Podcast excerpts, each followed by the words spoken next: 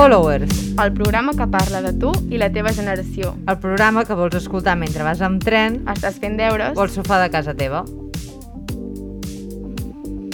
Bon dia, Helio. Què tal, Andrea?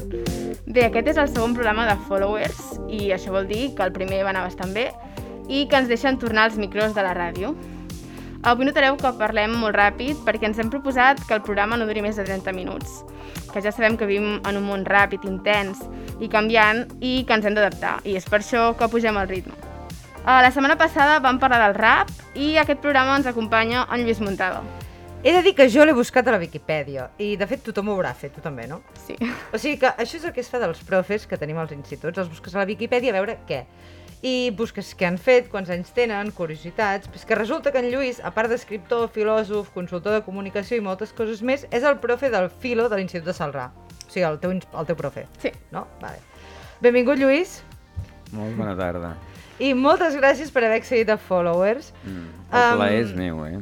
que Molt bé. content de seguir amb vosaltres. Molt bé, nosaltres també de que estigues aquí amb nosaltres. Fa molta il·lusió. I tant. I això que sigues lliure de participar en tot el debat i tertúlia que anem fent avui, més enllà de l'entrevista que li farem a l'última part de, del programa.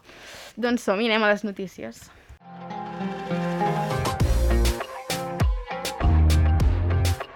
Molt bé, anem a parlar de medi ambient. Um, qui d'aquí s'ha demanat un cafè amb llet de soja o avena? No, que de fet en, en català no, no és avena, és cibada per tota la gent que es demani llets de- d'avena, no, és llet de cibada o d'arròs. A veure, que segons un article que ha publicat la Directa, l'empresa de liquats vegetals ISA, que per qui no ho sàpiga, són totes aquelles begudes i marques de Yo Soy, Monsoy, Almendrola, que segurament us comprareu al súper pensant que esteu fent un acte ecològic i de respecte al medi ambient, doncs resulta que aquesta empresa vol perforar 28 pous um, que estan situats en zones protegides del Montseny per extreure'n aigua i així augmentar-ne la producció. I, I, I, això què? i això què, exacte, em diràs com... Doncs mira, que hi ha moltes entitats veïnals ecologistes de la zona del Montseny que denuncien que el cabal de la Riera Major del Montseny, que és un espai protegit i un dels cursos fluvials més ben conservats de Catalunya, es podria quedar sec i, per tant, desaparèixer si aquest, aquesta explotació, diguem-ne, d'aquesta empresa segueix endavant. Per tant, eh, ho deixem aquí. Però qui en vulgui saber més en el link de la descripció del vídeo que penjarem del programa, podeu buscar directament l'enllaç per veure realment què passa. Llavors, què més ens expliques? Què més hi ha? Doncs novetats musicals. Al programa passat, si el vau escoltar, vam parlar del primer avançament del segon disc de Lil Dami, que es diu Viatge en espiral. A mi em va flipar perquè era una vanera i és una persona que fa trap. Doncs, O sigui, a veure aquest nou disc, què tal? a veure, atentes perquè estarà disponible el 29 de gener, eh, que per tant, quan estigueu veient el programa ja s'haurà estrenat perquè ho estem gravant abans. A veure si, si us ha molat. Més novetats, Zo també treu disc, però ens haurem d'esperar una mica més perquè sortirà el 26 de març. I es dirà Llapòlios. Jo diria Llapolies. Llapolies. O sigui, no sé ben bé, Lluís, tu no sé, Llapòlies o Llapolies? Llepolies. Llapolies. Si és estàndard o si no vols jugar amb les paraules, segurament sí. Doncs jo crec que és Llapolies. I què vol dir? Doncs mira, com una altra cosa, jo també ho he buscat a rodamunts.cat, perquè és el que té l'internet, que ho pots buscar tot el moment, i diu que Llapolies... Bueno, tu saps què és, Lluís, Llapolies? Una llapolia? Sí, sí, sí. sí. A veure... A veure, una, lla, una llapolia seria com una mena de, de, de deixalla que, de, o de resta que queda de, de, del plat, o seria fins i tot una exquisidesa, eh? Ah, perquè anava a dir, jo el que vaig trobar a internet era que era un aliment molt dolç Sí. o agradable al paladar. Deien això. Ah, jo aquest matís, mm, eh, sí, en tot cas quan deia exquisidesa mm, volia dir, volia dir això, no, no tenia clar que fos sempre dolç. Vale. Una- Sí, sí. Sinó que pot ser com això, una, una, una... Mm. és un aliment, però podem Mhm. dir, és un, un aliment. I bueno, jo ho vaig posar perquè la paraula m'agrada molt. O sigui, quan la vaig escoltar vaig dir, ostres, llapolia, sona molt bé. I em va fascinar molt. Jo ara faré una mica d'autobombo. Uh, com sempre, faré una mica de promoció de les meves coses. Uh, vam haver de suspendre l'obra Redimim-nos a Salrà per lo típic, perquè vivim en una pandèmia mundial i hi havia una de les actrius que estava en quarantena. Però recordeu, i Andrea, aquesta sí que te la compres perquè l'altra em vas dir que te la sí. compraries Em i vaig aquesta oblidar. no. Sí, em vaig oblidar, sempre es diu el mateix i després no es fa. El 19 de febrer, al Teatre d'Ateneu de Salrà, tornem a fer Redimim-nos, que la Berta Camps i l'Eva Ferrer són les, les actrius i amb la Mar Camps ha escrit els textos i jo he estat per allà fent la direcció, fent la producció, fent una mica tot allò que no es veu. En tot cas, no hi ha excuses per ningú. Qui vulgui anar a l'Ateneu, convidadíssim, a les 8 del vespre. Uh, Va 5 euros, no us n'oblideu, eh? Que la cultura no és gratis, tampoc. Seguim. Parlem de sèries, uh, igual ja ho sabeu, però hi haurà tercera temporada de Sex Education.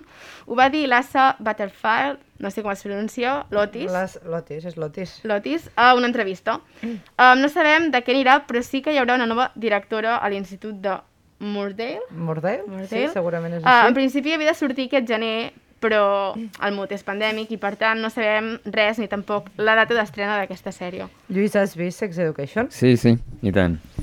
I tant, què vol dir que... Ah, les meves filles em, em van fer mirar i em va agradar, em va agradar molt.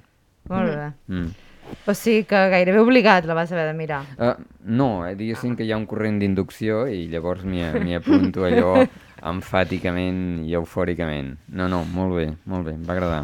Molt bé. Doncs això, que ho sàpigues que hi ha una tercera temporada. Sí, Ja sí, sí, dir. estava al corrent, eh? Molt bé. La meva filla gran, sobretot, ho controla molt i...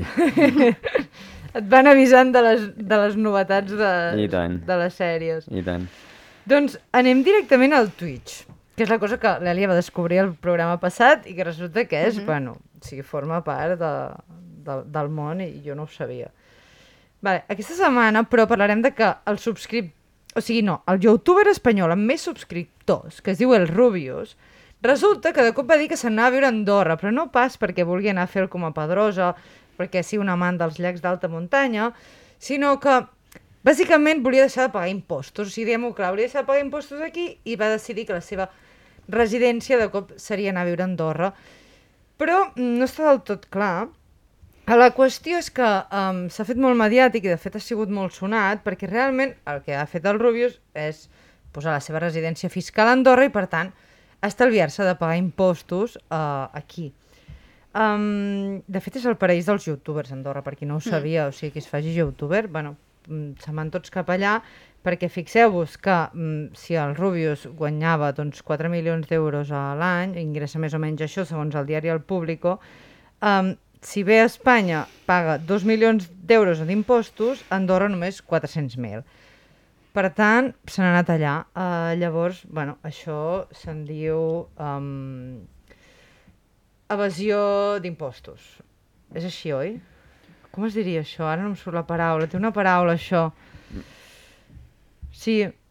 Bueno, ara no em sortirà la paraula. És evasió d'impostos. És com Mm, canviar bueno. residència fiscal i anar-te'n a un altre lloc. Evasió fiscal, exacte. No és l'únic que ho fa. Resulta que ara eh, les muntanyes d'Andorra, doncs els, els youtubers els agraden molt i youtubers com en Wi Willy Rex, Willy Vegeta, és així? Vegeta o de Gref se n'han anat allà. I l'Ibai, que, que ara l'Andrea ens en parlarà, ho va criticar molt i ell diu que és partidari de que els que guanyen més que paguin més impostos i per tant que ell no se va a ninguna parte, ho va dir així. No sabem quan guanya l'Ibai, però... Sí, perquè parlant de l'Ibai, sabem que ha tret una cançó. A veure, es veu que la cançó ve d'una recopilació que va fer un tal Lucas Requena en el seu canal de YouTube i de frases que havia dit l'Ibai, doncs, a Twitch. Llavors, al cap d'un temps, la van gravar bé amb l'Ibai cantant-la i es va estrenar el 18 de gener. Per tant, ara ja té més de 600.000 likes al YouTube. Ara la podem escoltar. fuera, mala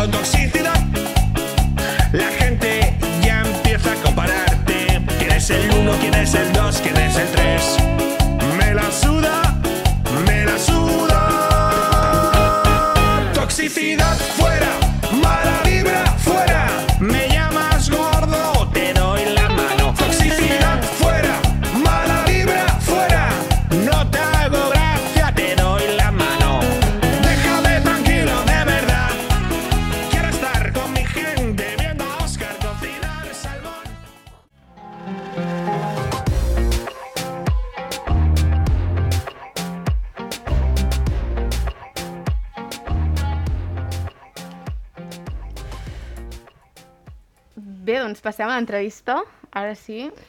Mm, Lluís, ara és quan et toca. Um, primer de tot, quin signe uh, de l'horòscop ets? Jo sóc lleó. Ets lleó. Molt bé. Um, diu, estás en modo rebeldía on, Leo. Te da igual lo que digan los demás. Incluso te importan bien poco las consecuencias de tus actos en un futuro. Estás viviendo el presente al máximo y eso es lo único que te importa. Vamos, Leo, que la temporada de Acuario está calando bien profundo en ti. No dudes en seguir así, pero ten cuidado porque quizá toda esa energía revolucionaria es too much. Ens diu això? No ho sé, què en penses? Lluís, És, és un bon retrat. és un bon retrat. El, És de la setmana del 25 al 31 de enero de 2021, eh? O sigui, això setmana que ve pot canviar. Però és un bon retrat. Perfecte. Um, Farem, digues. farem, començarem fent unes preguntes ràpides. A veure, recomana'ns pels teus alumnes, podríem dir, una pel·lícula que t'agradi molt o que t'hagi marcat. I per quin tipus de... de quina edat? Clar, és veritat. Això bueno, no o havíem si no, pensat. Algú que t'agradi, que... Una pel·lícula que, Mm. que, que m'hagi agradat molt. Sí, una pel·lícula que t'hagi agradat molt. Mira, una que és molt divertida i que juga amb, amb el temps, i que és una comèdia, Atrapat en el temps. Atrapat en el temps, l'has vist? No, Jo tampoc. És, està molt bé. Ho apuntem. Una persona que es queda atrapada en un dia que es va repetint, i es va repetint el dia, menys el seu jo que, que diguéssim va acumulant experiències, però la resta de gent que està al seu voltant i tota la ciutat fa exactament el mateix, i per tant Com ell el- pot jugar amb totes les seqüències de l'altra gent. com És el una- show de Truman, no? Eh, no ben bé, però, Mm. però bé, juga amb aquesta idea, sí. Molt bé. Uh, un grup de música? Un grup de música, a veure, jo, jo diria que, que he quedat una mica, una mica aturat en, a, en el temps, eh? Però així, així mm, d'ac- d'actuals, o bé, no, d'actuals no, diria els Rollings, diria els Beatles, que vosaltres us sonaran prehistòrics. Mm. No, els Sí. Beatles Aquesta és la, és la meva referència, clàssics. Mm. Eh? Molt bé. Un llibre? Un llibre, molts, molts. Llavors, m'estimo a vegades més pensar en autors que, que, en, que en llibres. Doncs un I autor. Un autor. I aquí pensaria en, en Borges, en Tolstoi, en la Szymborska, que és una poetessa polonesa fantàstica, etc. Una sèrie. Una sèrie... Mm, a veure, m'enganxeu amb, una mica amb el pas, amb el pas canviat. És una sèrie que no, precisament no, no s'ha tornat a reposar i, i que molta gent la demana, i és uh, Doctor en Alaska. Doctor en Alaska. Sí, no sé si l'heu vista. No. És una meravella.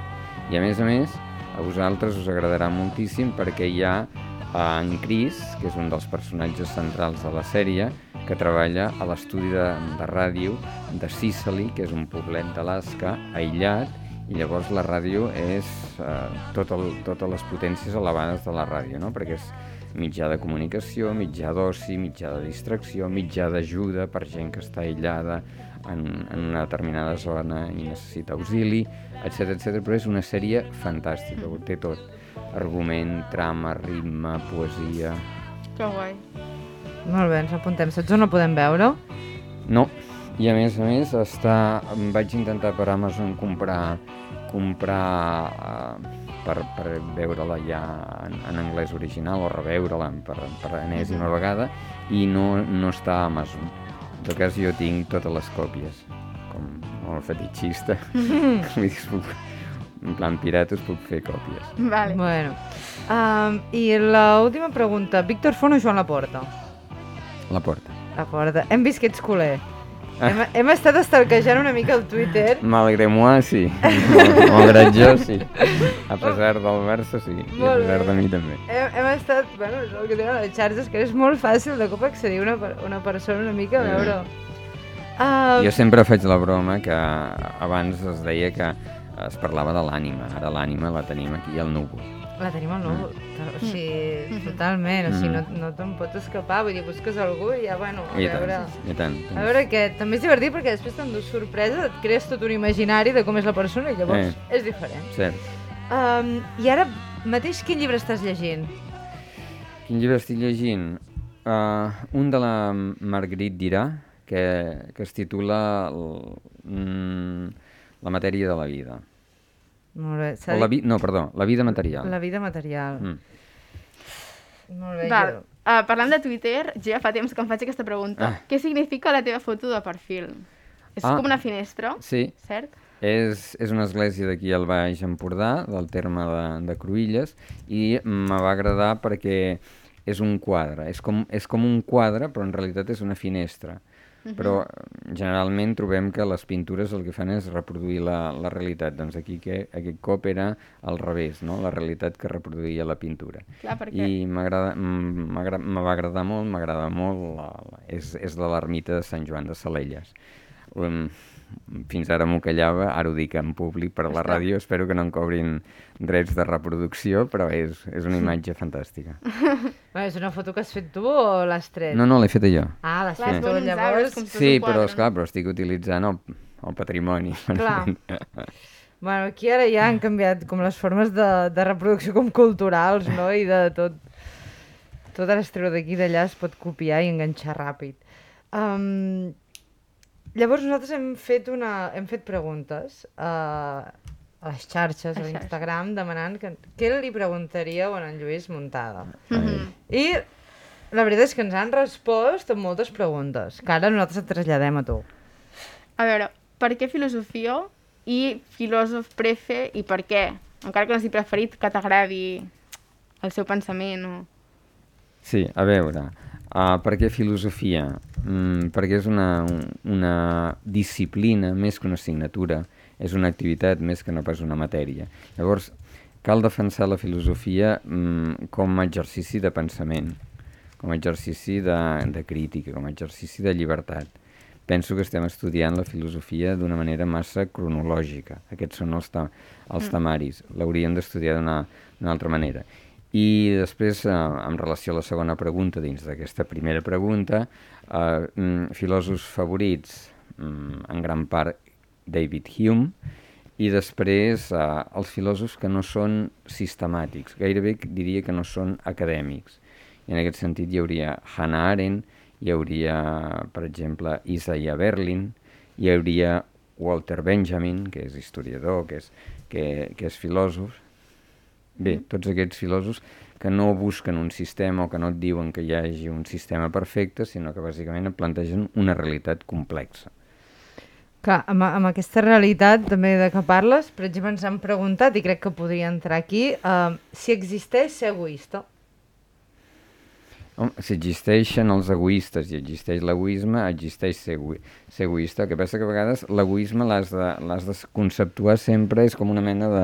has de fer una foto fixa, és a dir, l'egoisme està sempre en relació al moment en què es dona, en què es dona l'egoisme. Hi ha un punt d'egoisme que a vegades té a veure amb la superació, amb l'autosuperació, amb el punt d'orgull o l'instint que necessites per, per fer una cosa. I aquest egoisme pot ser positiu. Quan l'egoisme mm, reverteix en contra dels altres, que significa no escoltar, no apartar els altres, anar cop de colzes, etc etc. després, esclar, socialment té, té un punt, un punt negatiu. Jo bàsicament el que reivindicaria és un cert egotisme, que és diferent que l'egoisme. Què seria l'egotisme? Seria, diguéssim, subratllar el jo, el jo de la persona, la individualitat, però no per apartar els altres i ni per plantejar un món autista o un, o un ego autista, sinó perquè bàsicament, d'alguna manera, tu et subratlles en relació als altres. I un, ho lligarem una de les preguntes que ens han fet també. Um, tres paraules per definir un bon professor. Tu creus que els professors estan tots subratllats, diguem-ne, que tenen molta característica pròpia i, i diguem-ne, aquest egotisme dins de les classes d'institut? O com hauria de ser un professor d'institut? Jo crec que hi ha molts models de bon professor d'institut. Llavors, a vegades hi ha la tentació de reduir-ho tot a una fórmula, i no, no és, no és així.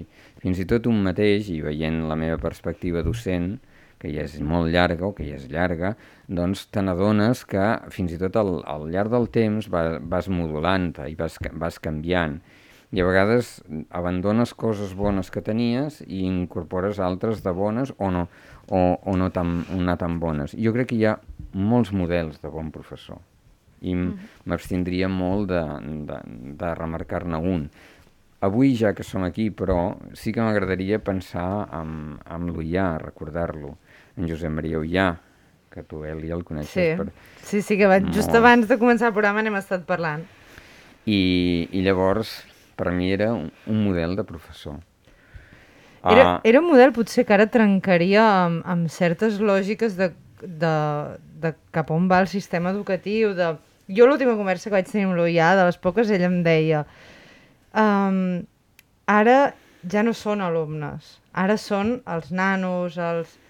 Com, com que hi havia una relació entre professor i, i alumne, cada cop menys de professor i alumne, que, que al final diu bueno, ell l'últim- de les últimes converses que vaig tenir és això, que estava com molt cansat de cap on anava el sistema educatiu en aquest sentit, de diu, ai, els nens, ai, els nanos, ai, no sé què, diu, no, per mi són els meus alumnes i els vull tractar com a alumnes també. O sigui, de... ell tenia com aquesta visió, no sé ben bé tampoc què volia dir, però ell em deia això. Sí, però malgrat tot ell, diguéssim, mm, cuidava, cuidava molt l'alumne i, i sobretot tenia uns coneixements molt vastos, una empatia molt forta, una capacitat de relacionar àmbits molt diferents i, i potser sí, ell no, no, no estava basat, diguéssim, a les, entre cometes, noves tecnologies, que potser ja no són tan noves, però tanmateix era capaç de, a, a partir d'un element de la cultura, eh, dibuixar-te una tranyina i fer-te veure que hi havia molts àmbits, molts elements relacionats i, i això, educar-te en la complexitat. Mm. Sempre tenia la paraula justa, tenia Sí. un discurs molt ordenat, molt, molt, molt trebat i, i la veritat és que a, a banda de l'estima personal que li poguessis tenir, que és molta, hi ha aquí, diguéssim, una, una admiració intel·lectual, claríssimament. Mm. Creus que cada cop l'institut és menys un espai intel·lectual i més com un seguiment de l'escola, per exemple? A veure, l'institut s'adapta a les exigències de, i als ritmes del, de, la, de, de la societat i la universitat també i, el, i qualsevol centre educatiu. Llavors, segurament anem modulant la nostra manera de fer en funció d'aquestes necessitats. No ho sé si més si menys. A mi no m'agrada parlar en termes, gaire en termes comparatius perquè a vegades estàs a punt d'entrar dintre una, un discurs catastròfic. I, per exemple, jo penso que la, els alumnes d'ara tenen un món molt més complex que el que podíem tenir nosaltres a la, a la seva edat. Que hi ha punts dèbils, sens dubte, que hi ha punts a millorar, sens dubte. Jo no crec que sigui la catomba. No crec que, que, que, anem, que anem cap a, cap a pitjor. Estem treballant amb uns altres condicionants. Ara, bueno, una pregunta diferent, que ja et vam preguntar l'altre dia a classe, però igualment ha sortit. Uh, què opines d'en Merlí? No, jo Merlí el vaig veure mm, molt poc quan el feien. Això que, que les meves filles n'eren apassionades i, i eh, vaig arribar a veure només un capítol i mig. I... Un capítol i mig, un això vol dir que n'hi sí. ha un que va deixar mitges. Sí, Ostres, sí, sí, sí, sí, sí, perquè es va, creuar, es va creuar una trucada o Ah, alguna vale. cosa, algun article que havia de lliurar i, i, i vaig desaparèixer. I per tant és això, un capítol i mig. A veure, uh, a mi no m'agrada la, la filosofia ni, ni la cultura com a autoajuda. Llavors, mm, Merlí jo penso que és una sèrie que treballa amb els elements d'un- d'una sèrie televisiva i que llavors està molt bé des d'aquesta perspectiva, però no m'agrada que el professor intenti entrar a la vida personal de, de, dels alumnes, al moll, al moll de l'os, etc etc que hi ha professors que diuen de filosofia que diuen, home, és que Merlí reduïa les classes a una sola, a una sola frase de filosofia. Bé, en tot cas, hem, aquí hem de, no hem d'oblidar que la sèrie treballa amb uns paràmetres diferents de com treballaria la novel·la o com treballar la, vi, la vida quotidiana o la vida a institut. El que passa que jo no crec que fonamentalment la filosofia hagi de, hagi de, ser, de, de ser això. Jo crec que precisament en les distàncies entre, entre professor i alumnat i, i bàsicament convertir-ho en una disciplina de reflexió més de, sobre la matèria o molts, més sobre qüestions que, que ens preocupen, però sense entrar en aquesta intimitat uh -huh. o en aquest devassall emocional que a mi em fastiguejava una mica. Després em vaig empassar molts capítols de Merlí perquè la meva filla va fer el, el gran va fer el treball de recerca sobre Merlí, un molt bon treball molt bon treball. I, de, i cap, cap on anava? El... Era conceptuar di, di, molts, múltiples conceptes, la solidaritat, la- l'em- l'empatia, la por, l'error en la història, mm. uh, la discriminació, a partir de capítols de, de, de Merlí. Mm. Que guai. Molt bé. Sí. Um, així que Merlí, bueno, has vist un capítol i mig i després n'has hagut de, de veure'n molts, però per pensar-los també, no? Mm, Bé, més que res per, per fer aquella feina de, de, de reflexió per, i, i m'ha agradat i m'ha servit i m'ajuda i, i vaja, hi ha moltes coses salvables que les pots aplicar, aplicar a classe, evidentment que sí. Clar. I ara anem a la, més alguna pregunta que alguna ja ens Sí, ha- ja ha ens ha sortit més o menys, però tu creus que ens pot ajudar la filosofia? I amb què, saps? En el nostre dia a dia o... La filosofia és una actitud, i és una actitud vital, intel·lectual. Eh, Kant sempre reivindica que la filosofia no és una, no, no és una matèria, és bàsicament això, una activitat, una pràctica. Llavors, la filosofia ens pot ajudar, i tant que ens pot ajudar, però saps què penso, primerament? Que la filosofia és inevitable. No tot és filosofia, ja ho sabem, però sí que quan tu abordes en profunditat un determinat tema, un determinat concepte de la vida, de la realitat, del coneixement, de, del comportament, etc etc, fas, conscientment o no, una excavació com a mínim filosòfica una exploració d'aquest- d'aquest- d'aquestes característiques. Llavors, jo començaria parlant d'això, d'inevitabilitat. I després també m'agrada molt entendre la filosofia gairebé com una defensa personal. Uh -huh. Per què? Perquè la vida, ens agradi o no, és agressiva i té les seves trampes. Llavors, una persona que domina els registres, que té, una, té un mapa conceptual, té un mapa de pensament clar, és una persona que és menys susceptible a caure en paranys. La filosofia, o tal com l'hauríem d'entendre a partir de, de Kant i de, i de tants altres, eh? però sobretot a partir de Kant, és com una actitud crítica. Crítica amb què? Amb el llenguatge, amb tot el que ens venen, amb nosaltres mateixos, autocrítica, etc etc. Llavors, què vols més? Tens una disciplina que conjuga, d'una banda, coneixements i de l'altra banda, elements personals, de creativitat personal, d'equilibri personal, de comprensió de la, de, de la realitat.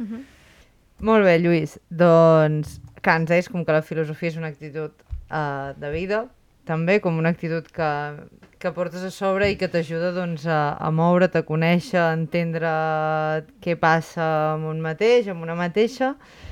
I bueno, esperem doncs, que aquesta entrevista realment hagi fet reflexionar tant a alumnes que estan a, a classe també, a, també a professors d'institut que poder ens escolten, gent de la meva edat, eh, de 24 anys, que ara està començant doncs, a les aules a, a veure què, què, què en poden treure d'aquesta entrevista. I també com moltíssimes gràcies per haver-nos acompanyat Mm. i, Mm, no, no, gràcies a vosaltres. i haver estat avui aquí amb nosaltres. Nosaltres. Realment ha sigut molt interessant i bueno, Molt guai. molt bé. Gràcies a vosaltres i vaja, us desitjo molta sort en aquesta singladura que és molt important i penso que els ajuntaments han de promoure i intentar retribuir en la mesura que sigui possible totes aquestes activitats perquè això és capital, capital humà eh? Mhm. i important, cultural, social i poca broma. Molt bé. Mm. A veure si, si t'escolten una mica. Sí, a veure, jo uh, en aquest sentit tinc una, una flaca. Eh? Jo, jo he estat uh, assessor del Departament de Cultura i, i llavors sé, sé molt bé què en dic. No pot ser que la cultura sigui la, la, la ventafocs de, del nostre sistema. I ho és, i ho és, i ho és. I no ho és només pels poders, que també. Ho és a vegades també per les inèrcies socials. Llavors, una revista local compleix una funció, una ràdio local, una televisió social compleix una funció impressionant i tota aquesta gent que esteu aquí al capdavant heu de ser retribuïts. Retribuïts vol dir, sí, també, també, també pagats, pagats econòmicament. Mhm. De la mateixa manera que un ajuntament, quan fa venir el lampista, molt lògicament, o el serraller, o qualsevol tècnic, paga i no se li acudeix de demanar que actui sense pagar, doncs això és exactament així i ha de ser així. I fins que no aconseguim això, doncs la cultura serà sempre aquesta mena de segona opció i serà aquesta convidada de pedra. Doncs, Res més a dir. M'agrada molt acabar amb aquest final, en aquest segon programa de Followers. Um, Seguiu-nos a les xarxes. Exacte, ens podeu I- seguir a les xarxes de Followers i si us ha agradat el programa, ens seguiu. Si no us ha agradat, li envieu al vostre enemic i que ens segueixi.